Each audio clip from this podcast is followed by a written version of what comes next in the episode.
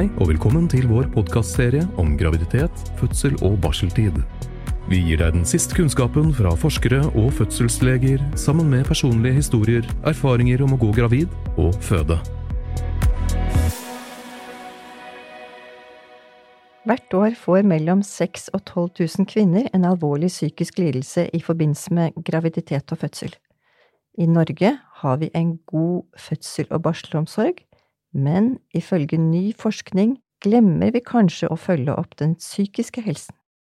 Med oss i dag har vi professor og forsker Malin Eberhard Gran fra Nasjonalt senter for kvinnehelseforskning. Malin publiserte nylig en studie som viste at gravide og nybakte mødres psykiske helse ikke ble godt nok ivaretatt i Norge. Og en som opplevde nettopp dette, er deg, Mette Schjelderup. Du hadde en traumatisk fødselsopplevelse og slet med å få den hjelpen du trengte etter fødselen. Vi skal få høre din sterke historie om litt, Mette, men først skal vi snakke med deg, Malin. Å føde barn, Malin, det er jo på en måte å gå fra å være barn selv til å bli mamma, det er en stor forandring i livet. Kan du si noe om hvor vanlig er det å få psykisk sykdom i forbindelse med fødsel i Norge? Ja, det är en enorm omstillingsprosess, både fysisk men også psykisk. Og vi vet jo fra andre faser i livet, for eksempelvis når man eh, går fra å være ungdom til å bli voksen i puberteten, så har man en økt psykisk sårbarhet. Og det er det som sker eh, også når man blir mor, særlig når man blir det for første gangen. Eh, og mange tror jo at psykiske plager og sykdommer at de er mindre hyppiga under svangerskap og barsel enn hva det är ellers. Altså, at man på nesten på en måte skulle være beskyttet mot det. Men eh, slik er det ikke.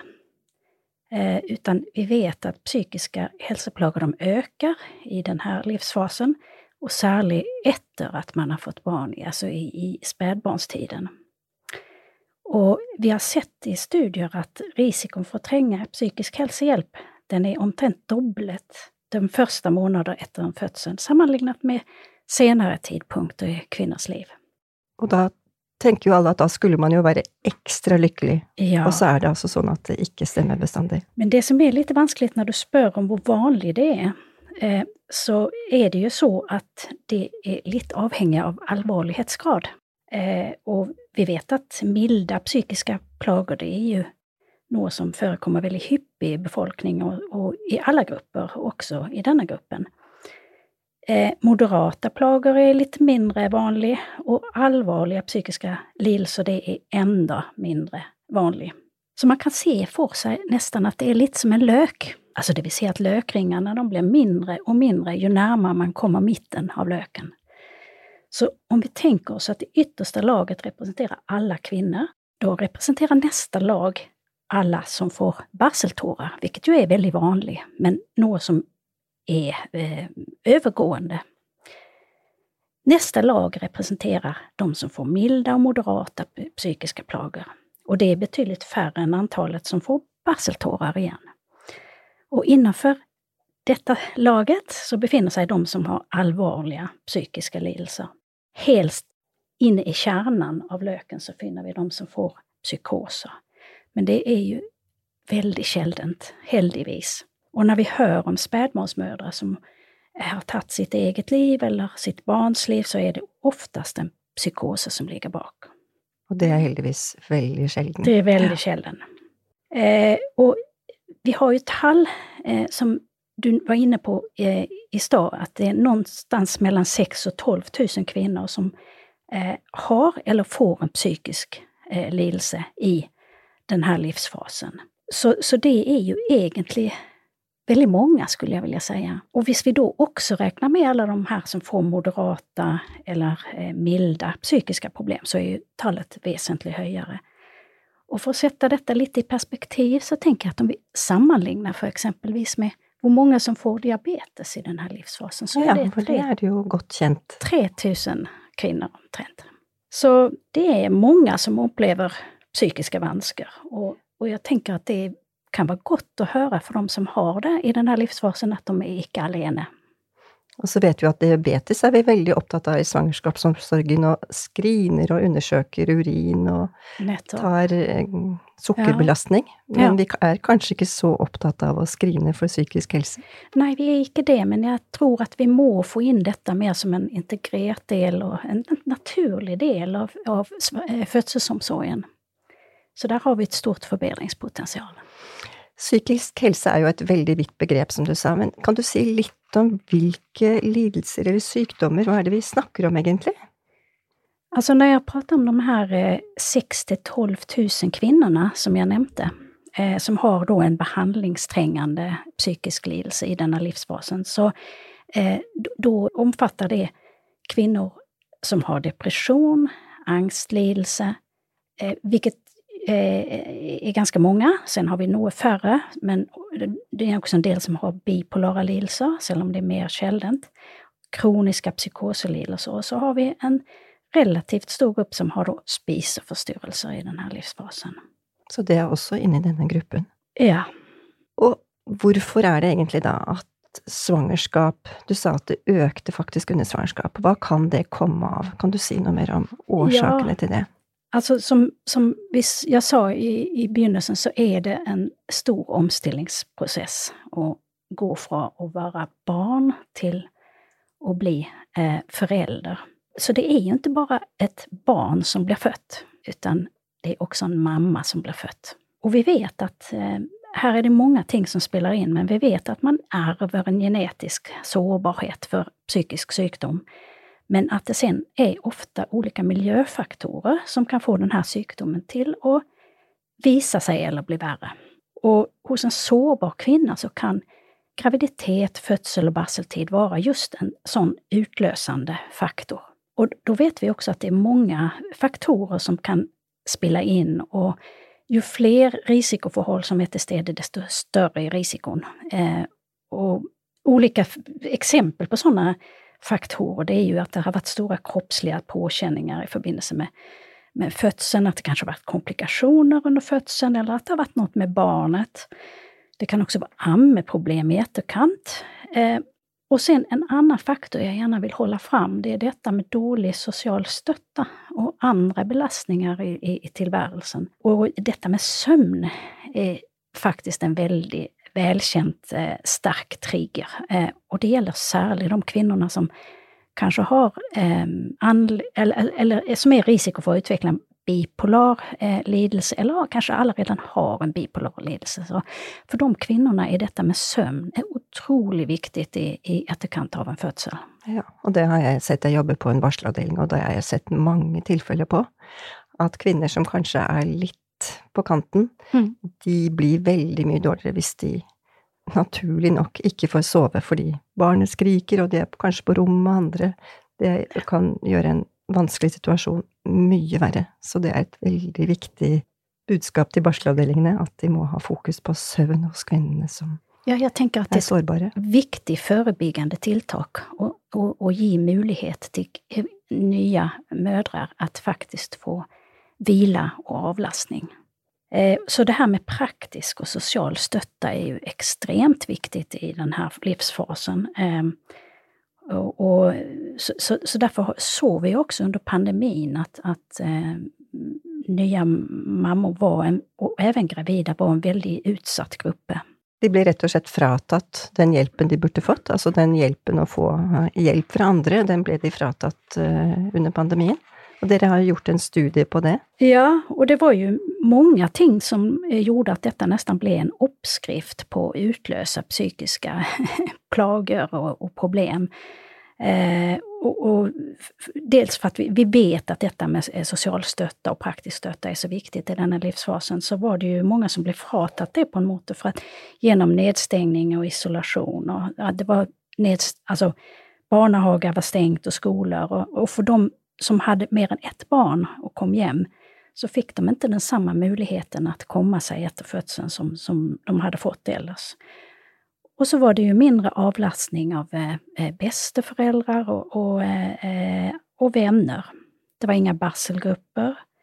Och i tillägg så hälsostationer och andra hjälpinstanser då eh, hade ju väldigt begränsad tillgänglighet under eh, perioder. Eh, under graviditeten och födseln så var det ju också mycket sån, tror jag att många upplevde som en väldigt stressande at ikke partner fikk lov å være med. Ja, det har vi jo hørt mye om, og det er jo noe vi har lært av denne pandemien, at det var mm. kanskje et tiltak som ikke var så velbegrunnet. Ja. Ehm, du har vist, og forskning har vist, at dårlig psykisk helse påvirker ikke bare kvinnen, men hele familien. Og kan også til og med påvirke det nyfødte barnet. Kan du si noe mer om det?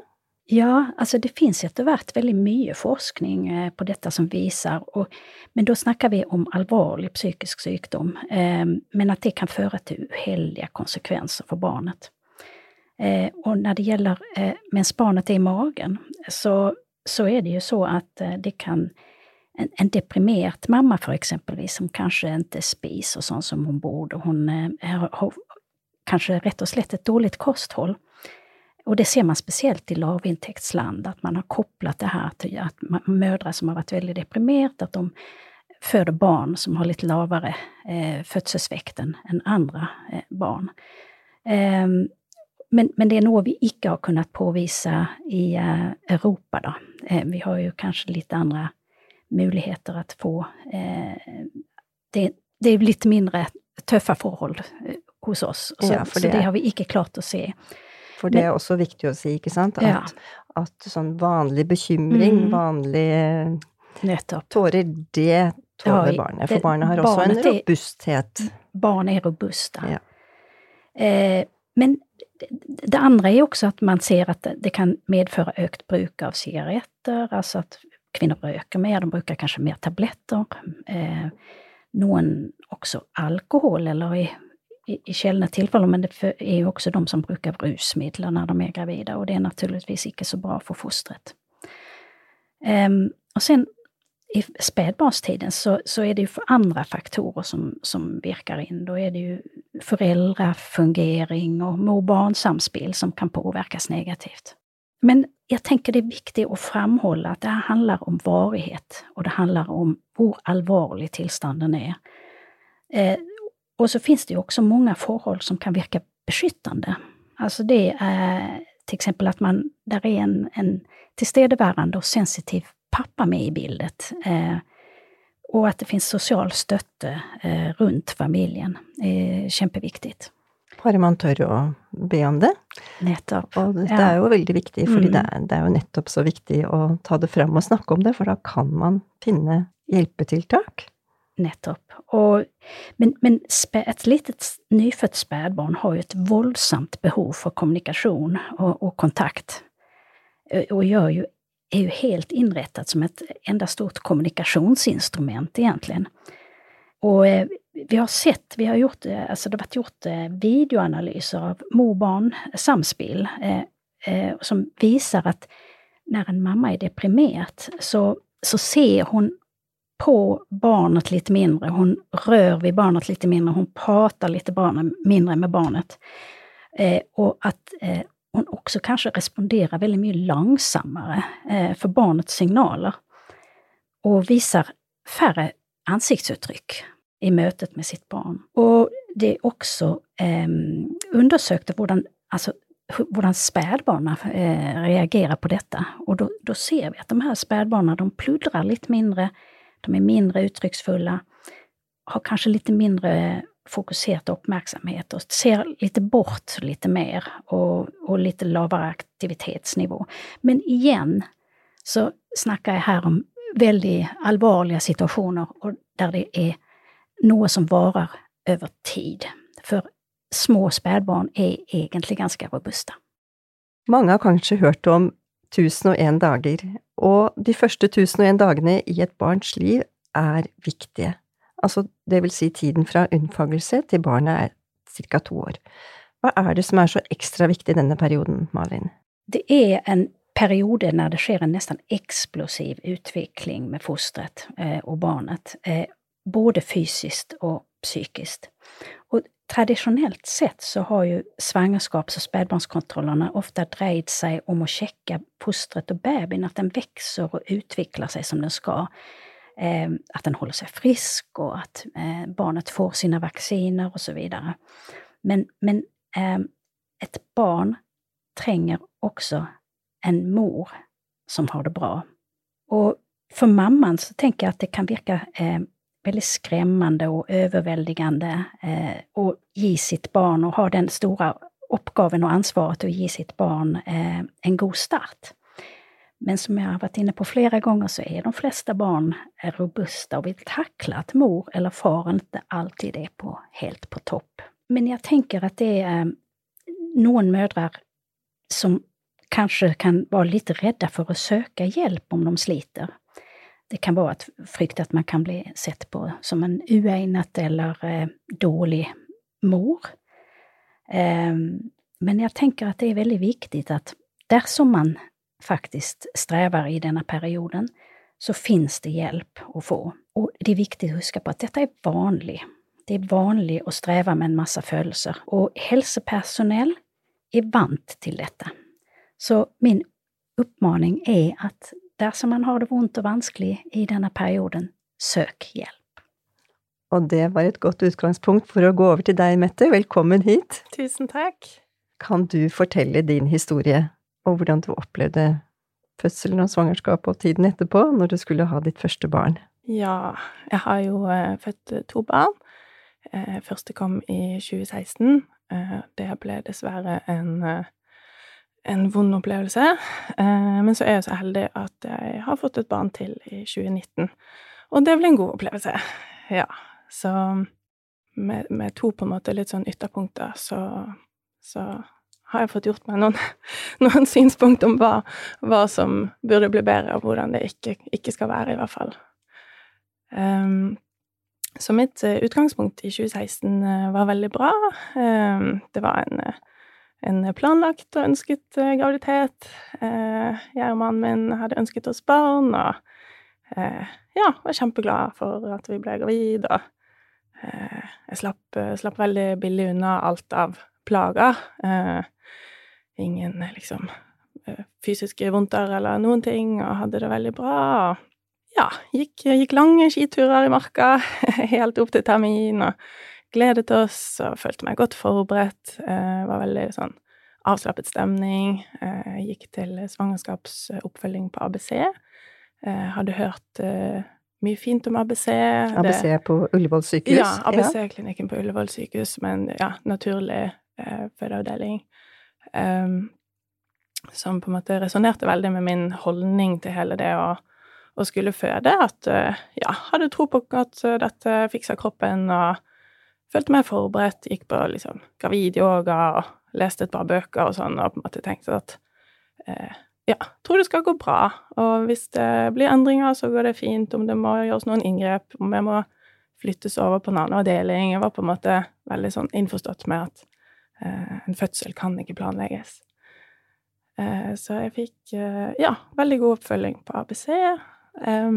Følte oss klar, og fødselen nærmet seg, og så kom termin, og termin passerte, og var fremdeles i veldig god form, og, men ingen, ingen tegn til fødsel. så ti dager over termin, da, er jo på en måte den grensen hvor man ikke får føde på eh, ABC lenger. Da går man liksom over til å bli eh, risikofødende. Eh, så da måtte vi overføres til eh, ordinær fødeklinikk. Og det hadde vi jo, det visste vi jo på forhånd, så det var liksom ikke noe krise. Um, men da kom jeg altså til uh, trivselskontroll, som det heter. Så fint. mm -hmm. eh, ti dager eh, over termin hos en hyggelig lege på fødeklinikken her. Og um, ja, alt så fint ut med barnet, og alt så fint ut med meg, og det var ingen grunn til å ja, foreta seg noe. Så der var det bare å gå hjem og slappe av. Så jeg dro ut på skitur og ventet i spenning. og så var det da ny trivselskontroll eh, tolv dager over termin. Eh, og da kom jeg til en annen lege, og da eh, snudde stemningen eh, brått. Da eh, kom vi inn, og første spørsmålet jeg fikk, var hvorfor i alle dager jeg ikke var satt i gang. Eh, fordi at eh, visste vi ikke at eh, dag tolv, det er liksom maksgrensen man får lov til å gå over termin. Og det visste jeg faktisk ikke. Så jeg ble litt satt ut. Og så ble det da den ultralydundersøkelsen ble gjort liksom litt sånn i stillhet. Um, hvor jeg liksom bare kjente litt den tryggheten jeg hadde kjent på gjennom hele svangerskapet. Uh, plutselig kjente jeg på en sånn usikkerhet. Sånn tanken begynte å slå meg at det kan skje noe, liksom. Det er ikke sikkert at dette går bra. Uh, og det var en veldig sånn uh, Det var ikke en god følelse å ligge og kjenne på det. så mannen min, Truls, han stilte masse spørsmål. Han er sånn, han ønsker informasjon og sånn, mens jeg liksom ble egentlig bare litt sånn satt ut av alt sammen. Du kunne ikke si at du følte deg utrygg? Det var ikke noe lett å si det? Nei, jeg skjønte ikke helt hva egentlig hva som var uttrykt. Eh, og da fikk vi veldig mye informasjon om risiko. Eh, da uh, var det økt risiko for ja, mye. At, at det var, kunne bli for lite fostervann, eller at det kunne bli for lite gjennomstrømming gjennom navlestrengen. og Eh, morkaken kunne kollapse, og det ene med det andre. og når man ikke selv er helsepersonell, eh, som meg, så, så, er det veldig vanskelig å forholde seg til sånne tall og statistikker og risiko. Eh, så det ble veldig overveldende, eh, og jeg forsto ikke hva som hadde endret seg på, eh, de to dagene siden forrige kontroll. Eh, og det kom frem at det var ingenting som hadde endret seg alt var bra med meg, alt var bra med barnet, det var masse fostervann, og på en måte alt så egentlig bra ut. Men hun var likevel veldig nervøs, og det la hun ingen skjul på. Så det ble liksom konkludert med at vi burde settes i gang med en gang. Og jeg ble bare veldig lei meg, og redd, egentlig. For du hadde egentlig ønsket at det skulle starte ja, spontant? Ja, sant. Ja. Vi kom jo fra ABC-klinikken og liksom hadde hele tiden tenkt at kroppen fikser det her, liksom. Mm. Men jeg tenkte at eh, hun vet best, og da, da setter vi i gang, liksom. Uh, så da ringte hun opp til fødeklinikken og eh, skulle liksom bestille time til igangsetting, da. Um, men da viste det seg at det var så veldig travelt på fødeavdelingen den dagen at jeg hadde ikke kapasitet til å sette meg i gang. Og dette var jo i mars, så det var jo absolutt ikke noe høysesong. Det var lang, lenge før pandemi. Eh, men det var altså ikke kapasitet, det var kun med liksom fare for liv og helse, og det var det jo ikke. Eh, og dette var på en lørdag, eh, og så var det da søndag dagen etterpå, og da er det enda mindre bemanning på avdelingen, visstnok, så på søndager satte de ikke i gang folk. Så vi måtte vente til mandag. Så da ble det veldig sånn paradoksalt, liksom, at det hastet så veldig, men kapasiteten til avdelingen bestemte likevel at vi måtte vente. Eh, så med det så ble vi sendt hjem, eh, og skulle da vente til mandagen med beskjed om at nå var det veldig viktig at jeg kjente etter liv i magen ofte. Eh, For at når vi var så langt på overtid, så kunne ting snu raskt. Og det var, det var tungt å reise hjem da. Kjente veldig på det. Du fikk et stort ansvar. Ja. ja, kjente veldig på det ansvaret. Det var ikke noe kjekt å ha det ansvaret selv. Eh, og pluss at når man er liksom tolv dager over termin, så er jo magen er helt sprengt, liksom. Det er jo så trangt inni der at det var vanskelig å kjenne liv. For det er ikke noe spark lenger. Det er jo hadde liksom over fire kilo lubben baby i magen, så de bevegelsene er veldig små og diffuse. Så det var, det var to døgn med veldig lite søvn. Veldig mye saftdrikking for å prøve å kjenne etter liv. Um, men da ble liksom mandag klokken åtte det ble liksom den store mållinjen. da. Jeg tenkte ok, nå må jeg bare holde ut til mandag klokken åtte. Da skal jeg føde. Det blir satt i gang, og så skal jeg mm. føde. Det blir bra, liksom. Uh, så da var det jo liksom uh, god stemning da, mandag klokken åtte når vi møtte opp igjen på sykehuset. Um, men da ble det liksom nok en sånn uh, antiklimaks, for det var jo Da hadde jeg på en måte sett for meg at noen tok imot oss og var klar for oss, men det var det jo ikke i det hele tatt. Det var jo også veldig travelt da. Det var ingen som hadde tid til å ta imot oss, så vi satt på, på venterommet der eh, halve dagen um, og ventet på da at vi skulle settes i gang.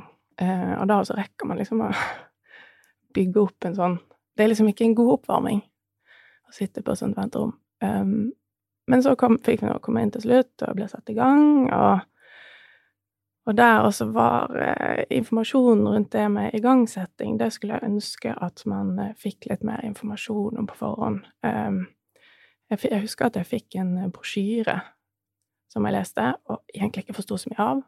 Uh, jeg leste saltvannskateter.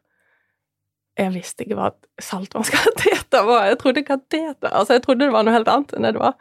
Men det visste at det var da en sånn ballong da, som settes inn i livmorhalsen, eller ja, Mhm. oppi der, i hvert fall. Det. Og, og det var Jeg syns det var utrolig smertefullt. Altså, det, det jeg, jeg var ikke forberedt på den smerten i det hele tatt. Eh, og det tenker jeg at um, Det er sikkert veldig individuelt hvordan det føles, men om man hadde fått et lite hint om at dette kan gjøre vondt, eh, så hadde det kanskje ikke gjort så vondt som det gjorde, for jeg ble helt satt ut. Jeg tenkte jo at noe var alvorlig feil.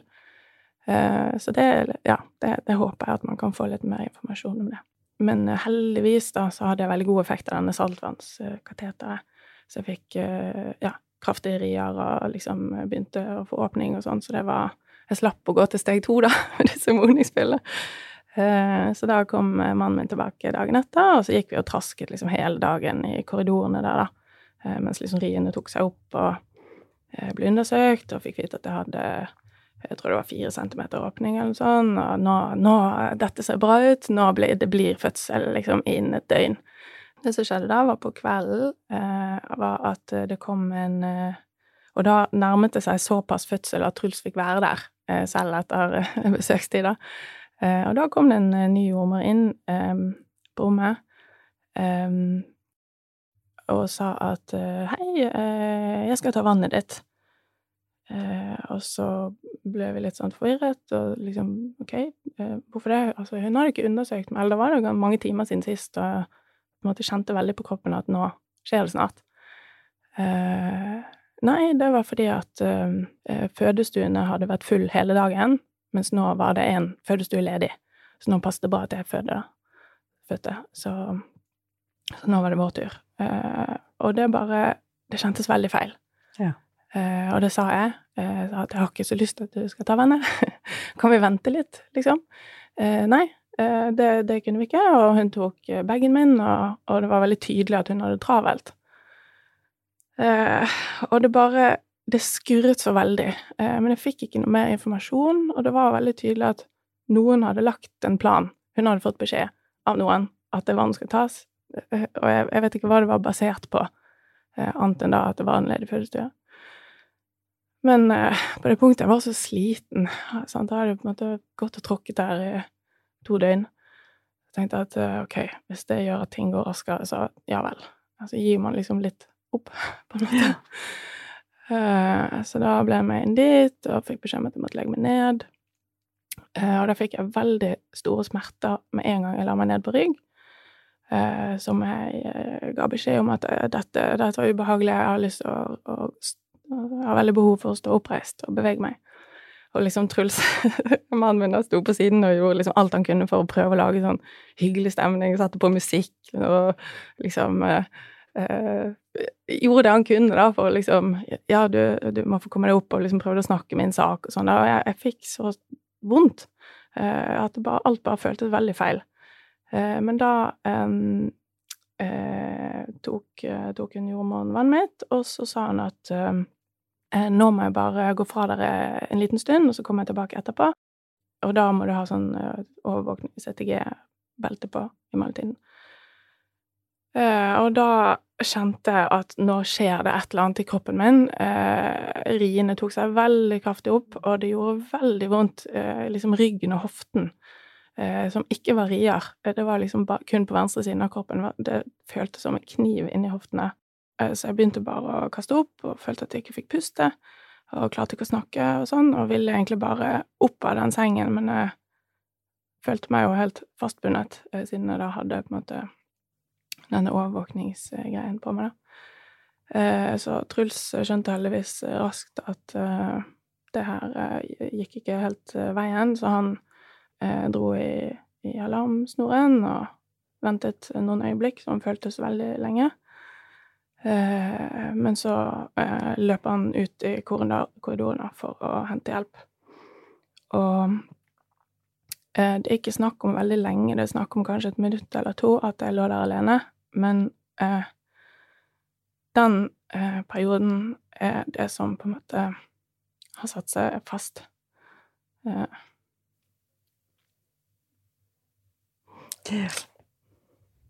da rakk jeg på en måte å tenke eh, alle tankene om hva skjer nå. Det føltes som noe var alvorlig galt i magen. Eh, jeg ble eh, veldig redd både på vegne av barnet i magen eh, og meg selv. Fordi eh, det føltes ikke som en fødsel lenger. Um, og så kom, så kom Truls eh, løpende inn igjen eh, med en, ny jordmor som akkurat hadde kommet på jobb. Um, og hun var åh, helt fantastisk. Hun var en klippe. Hun bare kom inn i rommet, eh, så at uh, her er det noe galt, kom bort til meg og sa at uh, jeg vet ikke hva som har skjedd, men, men her skal jeg Jeg skal ikke gå fra deg. Nå skal vi få kontroll på situasjonen. Og det, hun sa på en måte akkurat de ting, tingene jeg trengte å gjøre. Um, så hun Ja, plutselig var det masse folk der, og hun fikk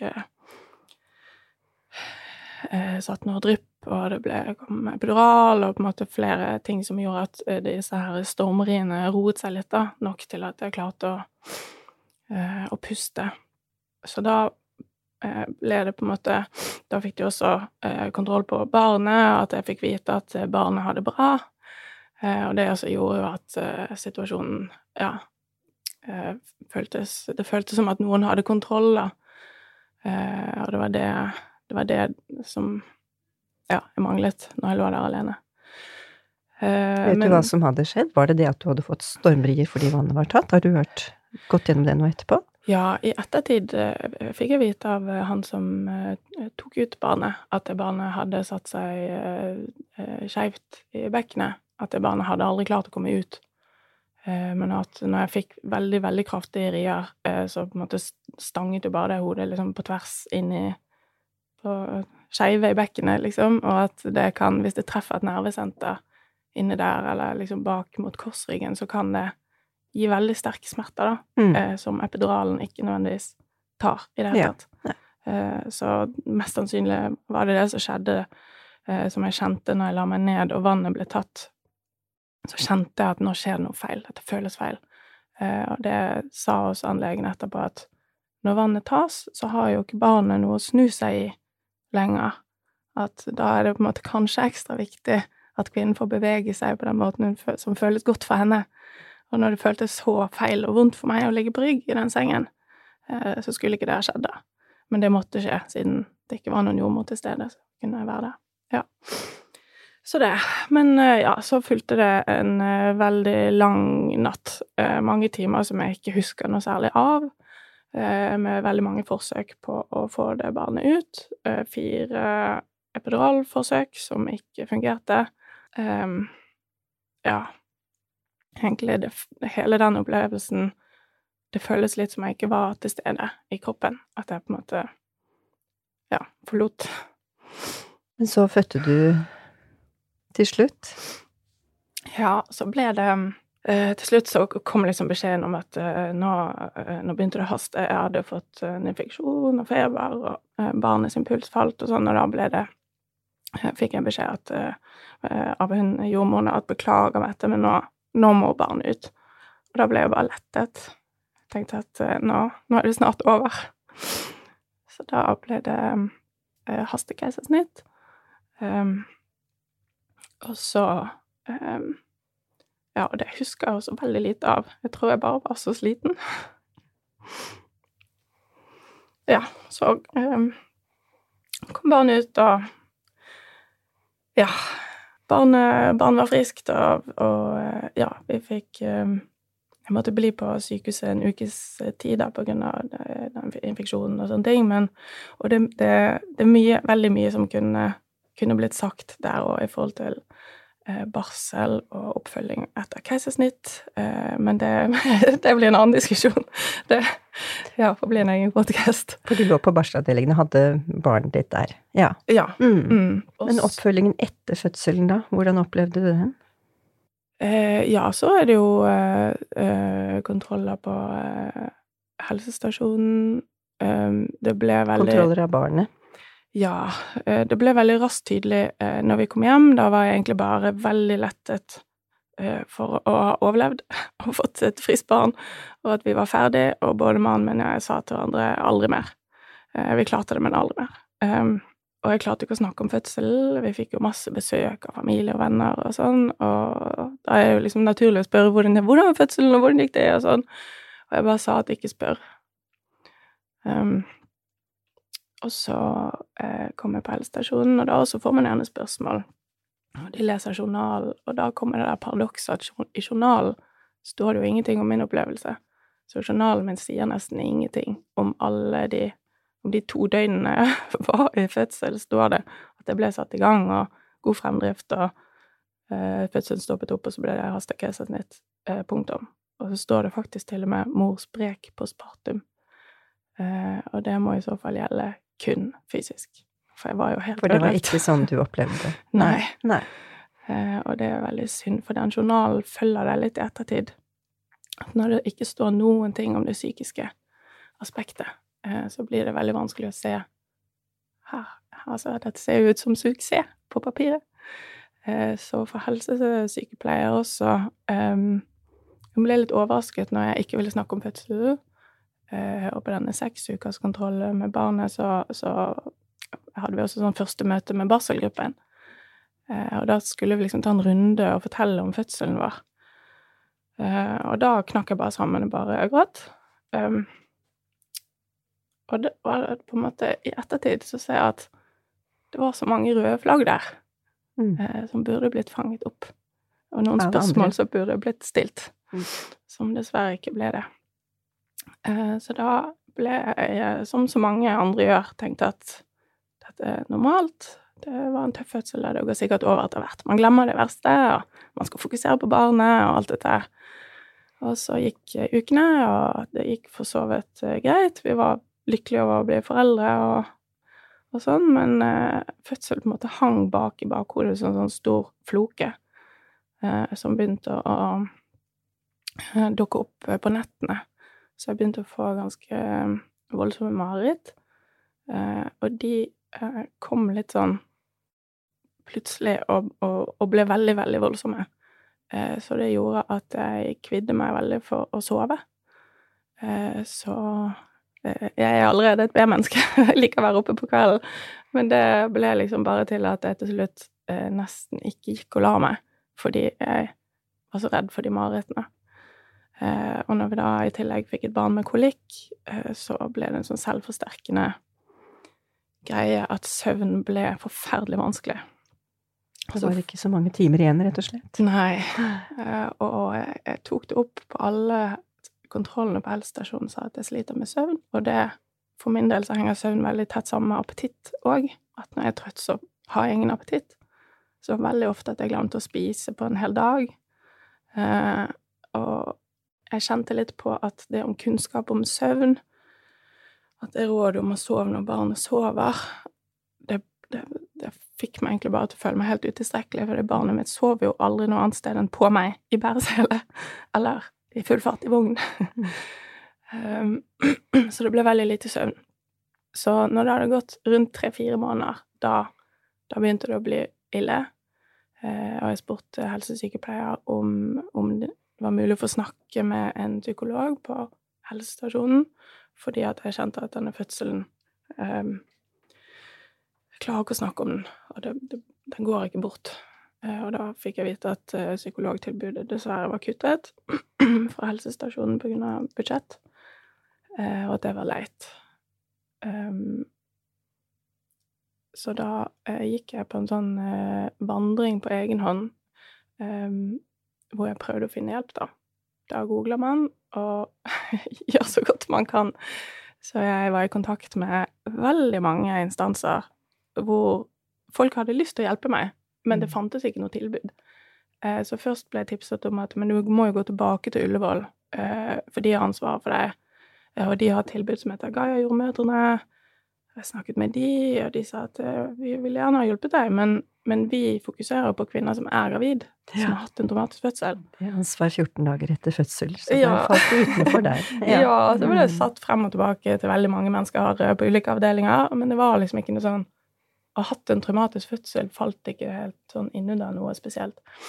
Um, Jeg var i kontakt med Nikki Walls institutt. Altså, jeg bare googlet og ringte alle jeg kom Mm. over, da. Og de var veldig hyggelige, men de, der var det jo relasjonsutfordringer mellom mor og barn og sånn, og det var liksom ikke helt det. Eh, Jeg var Ja. eh, Jeg hadde en veldig fin eh, opplevelse med stiftelsen Amathea, eh, som eh, sa 'kom inn, fortell'. Eh, Men der også var det sånn rådgivning i forhold til hvis jeg ville levere en klage til sykehuset, kunne hjelpe, og det var liksom ikke helt der. Altså, jeg bare trengte hjelp. Eh, Så det ble en sånn lang jungelvandring. Og jeg begynte å skjønne at eh, OK, jeg er den eneste i verden som har opplevd dette. Det fins jo ingen hjelp. Eh, og det er veldig rart, for jeg tenkte ikke på fastlegen. Eh, jeg har vært heldig i livet, jeg har ikke vært så mye hos fastlege, jeg har ikke hatt så mye behov. Men så var det i et uh, mammaforum, da, hvor jeg liksom kvinnet meg opp til å spørre hei, eh, jeg opplevde en traumatisk fødsel, jeg klarer ikke å finne ut hvor jeg skal gå, hva jeg skal gjøre. Og det bare rant inn med kommentarer. Det var så mye kommentarer på det innlegget. Jeg fikk så mye meldinger i innboksen.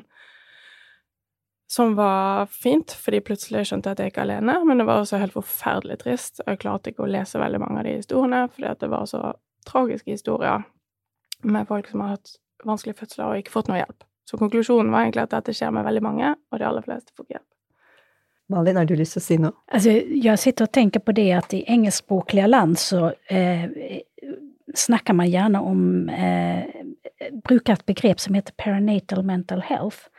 Og det er jo et veldig bredt spekter av eh, psykiske vansker og lidelser. Altså alt fra lettere angst och depressionssymptom i den ena änden och helt till psykoser i den andra.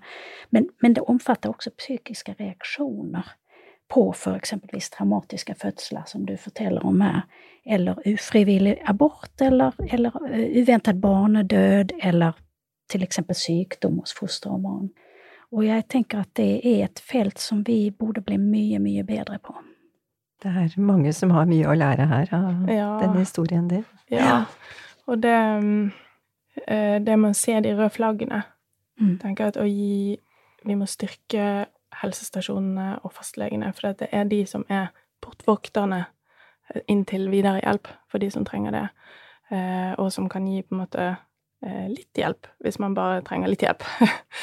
Eh, Men, men det jeg opplevde når jeg da eh, fikk tips i dette mammaforumet, så var det jo flere der som skrev du må gå til fastlegen, det er jo der du begynner. Eh, ok, Uh, så gikk jeg til fastlegen, og der eh, har jeg, ja, knakk jeg egentlig bare helt sammen på kontoret hans og bare gråt og sa at jeg vet ikke hva som skjer med meg, men jeg har hatt en veldig vanskelig fødsel som bare har satt seg fast i hodet, uh, og jeg tror jeg trenger hjelp. Og han så han, han så egentlig bare ut som et stort spørsmålstegn. Han, han ville hjelpe meg, men han forsto ikke. Han forsto ikke hva han skulle gjøre med meg. Eh, og, og han spurte ja, eh, vanskelig fødsel eh, Vi kan gjerne prate litt om fødselen hvis du vil. Vi kan booke en ny time neste uke. Og jeg prøvde å si at jeg, jeg tror jeg trenger noe mer. Fordi jeg, har, jeg klarer ikke å snakke om fødselen min. Så jeg kommer ikke til å klare å snakke med deg heller, på en måte. Jeg tror jeg trenger litt mer enn 15 minutter, da.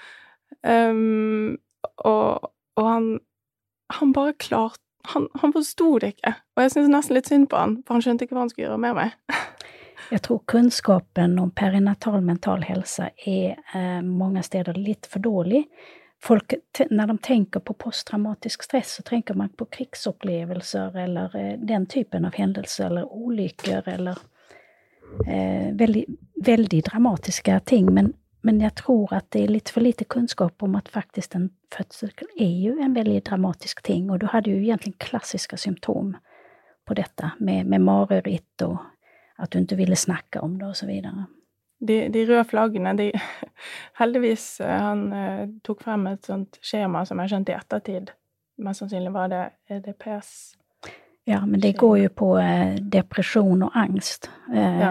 Så, så du, det fanger jo egentlig ikke opp eh, det du eh, Nei, det, det føltes veldig Mm. voldsomt da at han begynte å spørre liksom, om jeg var suicidal og, og diverse. Og, men jeg var helt ærlig og svarte alt at jeg spiser ikke, jeg sover ikke, jeg sliter. Um, og da eh, sa han at det hadde fylt ut i skjemaet, så sa han at eh, ja, eh, jeg tar og sender det inn, um, Men du skal vite at jeg tror ikke at en vanskelig fødsel er noe som kvalifiserer til spesialisthjelp. Eh, og det er også veldig lang ventetid. Eh, så lykke til. Så det var ikke den hjelpen du trengte? Nei, Nei. så da gikk jeg hjem og tenkte nå, hva gjør jeg nå? Nå har jeg ringt alle jeg har funnet på nettet, liksom. Jeg vet ikke hvor jeg skal gå. Eh, Jeg hadde mange flere steder jeg var innom, så jeg ikke har nevnt engang. Familievernkontoret. Overalt møtte jeg vennlige mennesker som sa 'oi, dette var vondt', men jeg vet ikke helt hvor jeg skal sende deg. Uh, Men Da er det jo lett å tenke, du hadde jo ressurser og gikk ut. Tenk på alle de som ikke har de ressursene. Ja, Ja. det, og det, ja, det er det jeg kjenner på, at det, her, det kan ikke fortsette. Nei.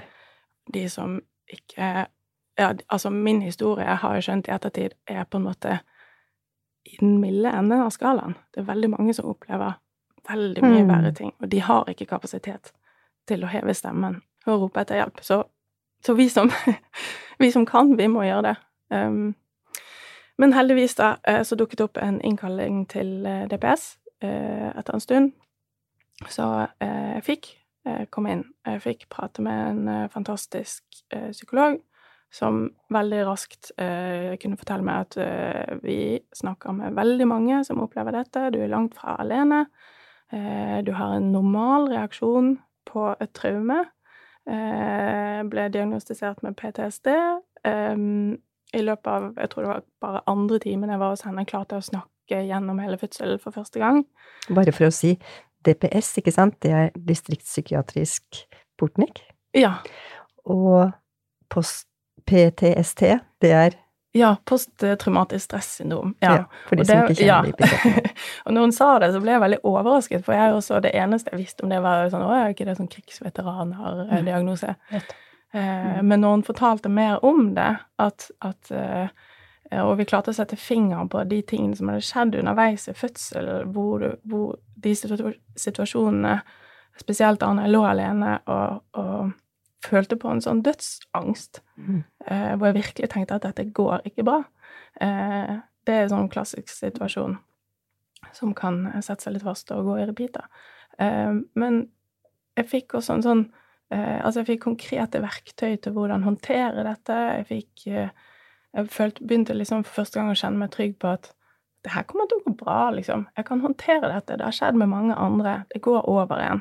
Eh, jeg trengte bare litt hjelp, på en måte. Eh, så jeg fikk eh, de verktøyene jeg trengte. Jeg forsto mer av hva jeg hadde opplevd. Eh, plutselig ga det mening at, at jeg fikk At mine mareritt ble trigget hver gang jeg la meg ned i en seng. Fordi det var der mitt traume hadde skjedd. Så jeg kjøpte meg en veldig komfortabel lenestol på Finn. og jeg satt og sov i nesten et år. Og da fikk jeg sove godt. og kunne på en måte håndtere disse marerittene i etter hvert som de kom. Og, ja. eh, så det var egentlig overraskende lite behandling som trengtes for å bli veldig mye bedre, og for å få hverdagen til å fungere. Eh, og det er noe av det jeg syns er tristest nå, med å se at det er så mange som ikke får til og med bare den lille hjelpen de kunne trengt. At før liksom det blomstrer og blir så veldig mye verre. Så hvis du skulle gitt noe råd til andre som er i samme situasjon som deg, hva, hva er det? Ja, at, at uansett hvor, hvor mørkt det føles, eller hvor ensom alene du føler deg om det, du er ikke alene, det er så mange som opplever dette, og det kan bli så mye bedre med bare litt hjelp, og du trenger og fortjener den hjelpen, Eh, og, og ikke være flau eller skamfull, det er ikke, det er ikke deg det er ikke deg det er noe galt med, det er systemet som ikke har gitt deg den støtten du trenger. Og du, fra å ikke tenke deg at du ønsket flere barn, så turte du faktisk å gå løs på graviditet nummer to.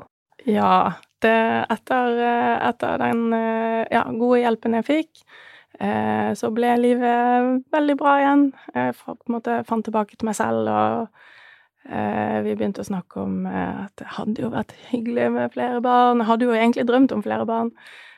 Så da fikk jeg god oppfølging i forkant av neste graviditet, da. Eh, fordi da Egentlig litt fordi at jeg da visste mye mer om hva jeg hadde krav på, eh, og hvor man skulle gå. Så jeg sa Jeg klarte å si tydelig fra at jeg trenger hjelp, trenger støtte.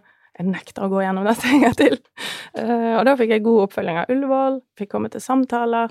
Um, og da er det jo Jeg fikk liksom vite at hvis, hvis du ønsker et keisersnitt, så kan vi tilrettelegge for det. det liksom, jeg følte veldig at jeg fikk ha et ord med i laget, da.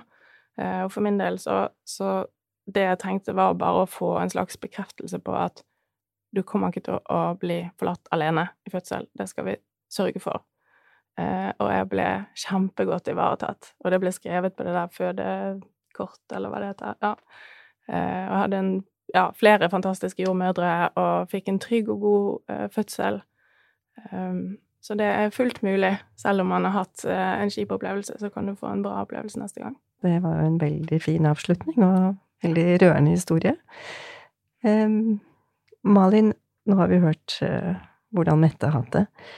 Hvordan tenker du at vi kan bli bedre på å ta vare på den psykiske delen av svangerskap og barselomsorgen i Norge? Det første jeg tenker på, det er egentlig veldig opplagt, og det er at vi må faktisk spørre om psykisk helse. Grunnen til at man må spørre, det er at det ofte er veldig skambelagt å si at man strever i denne perioden, for det er forventet at man skal være fornøyd og lykkelig. Så om man ikke spør, så eh, er det de færreste som faktisk eh, sier noe om det. Og jeg tenker at det er et paradoks at eh, gravide blir fulgt opp veldig nøye når det gjelder kroppslige ting som blodtrykk, vektoppgang, sukker i urinen osv., men at de ikke blir spurt systematisk om psykisk helse. Og det til tross for at vi vet at psykiske lidelser kan få vel så dramatiske konsekvenser som kroppslige. Og eh, særlig så tenker jeg at det er viktig at man spør etter fødselen. Og um, jeg tenker at uh, spesielt nå når man ligger så veldig kort tid på uh, barselavdelingen, så er det jo et stort ansvar som er på kommunene. Det har jo blitt en ansvarsoverføring eh, ut til Og, og der helsesykepleiere og fastlege er eh, egentlig de sentrale eh, personene. Eh, problemet er jo bare at tilbudet til kommunene i dag ikke er godt nok. Um, og det um, kan du vel kanskje bekrefte. ja, og det at man får høre det der eh, be om hjelp. Eh, det er en fin ting å si, og ja, man mm. skal be om hjelp, men da må vi også sørge for at den hjelpen eksisterer. Nettopp. Og da kommer jeg til punkt nummer to. Ja. og det er at vi faktisk må bygge opp bedre tjenester ute i kommunene. Og så må vi få bedre samarbeid mellom helsestasjon og fastleger. Um, bedre samhandling. Og, og, når det gjelder litt, altså mer milde, moderate psykiske problem, så tenker jeg at det er noe som helsestasjoner veldig godt kan ivareta. Men, men hvis det blir mer alvorlig, så må fastlegen trekkes inn. Og fastlegen må da også ha kunnskap om um, de her tingene. Det tredje er at vi uh, trenger flere kommunepsykologer. Um, og det, det finnes jo kommunal psykisk helsetjeneste i alle kommuner. Uh, men, men, vi vet at uh, ikke alle uh, har en kommunepsykolog. og da kan jo en sykepleier være et alternativ, helst en psykiatrisk sykepleier, men også det mangler det faktisk mange plasser. Men så var jeg inne på dette med kunnskap, altså, og det at vi må få mer kunnskap hos mange ulike eh, eh, altså kategorier av helsepersonell eh, om perinatal mental helse. For jeg tenker at eh, Mettes historie det viser jo veldig tydelig at eh, dette kunne vært eh, Hun kunne fått en bedre behandling hvis hun hadde treffet på noen som hadde kjente til de her tingene som kan skje. Og så allra sist så skulle jeg ønske at vi fikk faktisk et eh, eh, nasjonalt kompetansesenter for eh, perinatal mental helse. Eh, for at vi skulle kunne eh, sikre at de tiltak som blir iverksatt, faktisk er kunnskapsbaserte. Mette, har du lyst til å si noe til slutt? Ja, um, jeg skulle ønske at vi, vi lyttet til eh, erfaringsbaserte opplevelser eh, på en litt annen måte enn det som ofte gjøres i dag. Eh, fordi dessverre så er det mange kvinner som når de deler sine historier i media, som blir møtt med um, at, at, det blir oppfattet som en slags kritikk, personlig kritikk av helsepersonell. Eh, men det er ikke det. Det er kritikk av et system eh, som ikke fungerer som det skal. Og det er veldig viktig å, forstå eh, forskjellen mellom eh, system og person, og, det kjenner jeg veldig på selv òg, at, når jeg forteller om min opplevelse, så er det viktig for meg å få frem at alt helsepersonell jeg møtte på veien, prøvde jo så godt de kunne å gjøre en god jobb med de ressursene de hadde.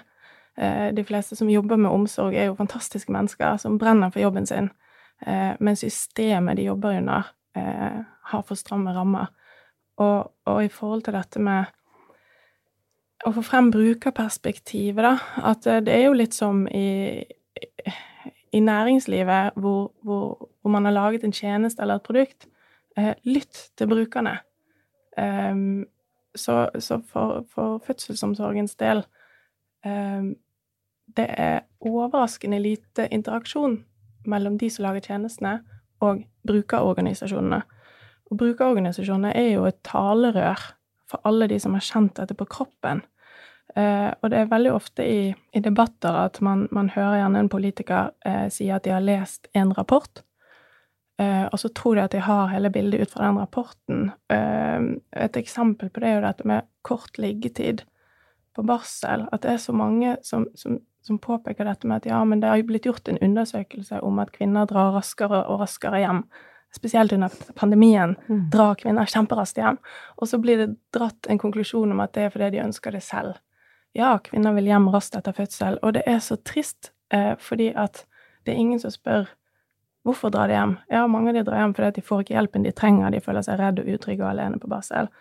Eh, og, og hadde man snakket med én brukerorganisasjon, så hadde man fått det den innsikten. Ja, så, så min oppfordring til alle politikere og beslutningstakere der ute, lytt til brukerorganisasjonene, for de har ofte hele bildet, inkludert forskning, som Malin har presentert, forskjellige opplevelser, og har sett det over tid, over mange, mange år. Så brukermedvirkning er viktig. Dette tror jeg vi kunne snakke om veldig lenge. Vi har fått veldig god og viktig historier og informasjon nå. Tusen takk, Mette, for at du har delt historien din med oss. Og tusen takk, Malin, for all din kunnskap. Og så håper vi endelig at dette kan bli en start, at vi kan nå begynne å snakke om dette temaet, og at vi kan få ut dette viktige budskapet som faktisk nå brenner litt. Bedre barselomsorg til kvinnene. Takk for i dag. Vi vil gjerne få tilbakemeldinger fra dere lyttere om det er noen temaer dere vil vi skal ta opp i podkasten. Er det noe dere lurer på eller savner informasjon om? Send oss gjerne en mail til kvinnehelsepodden at os-hf.no. Dere kan også kontakte oss på Instagram.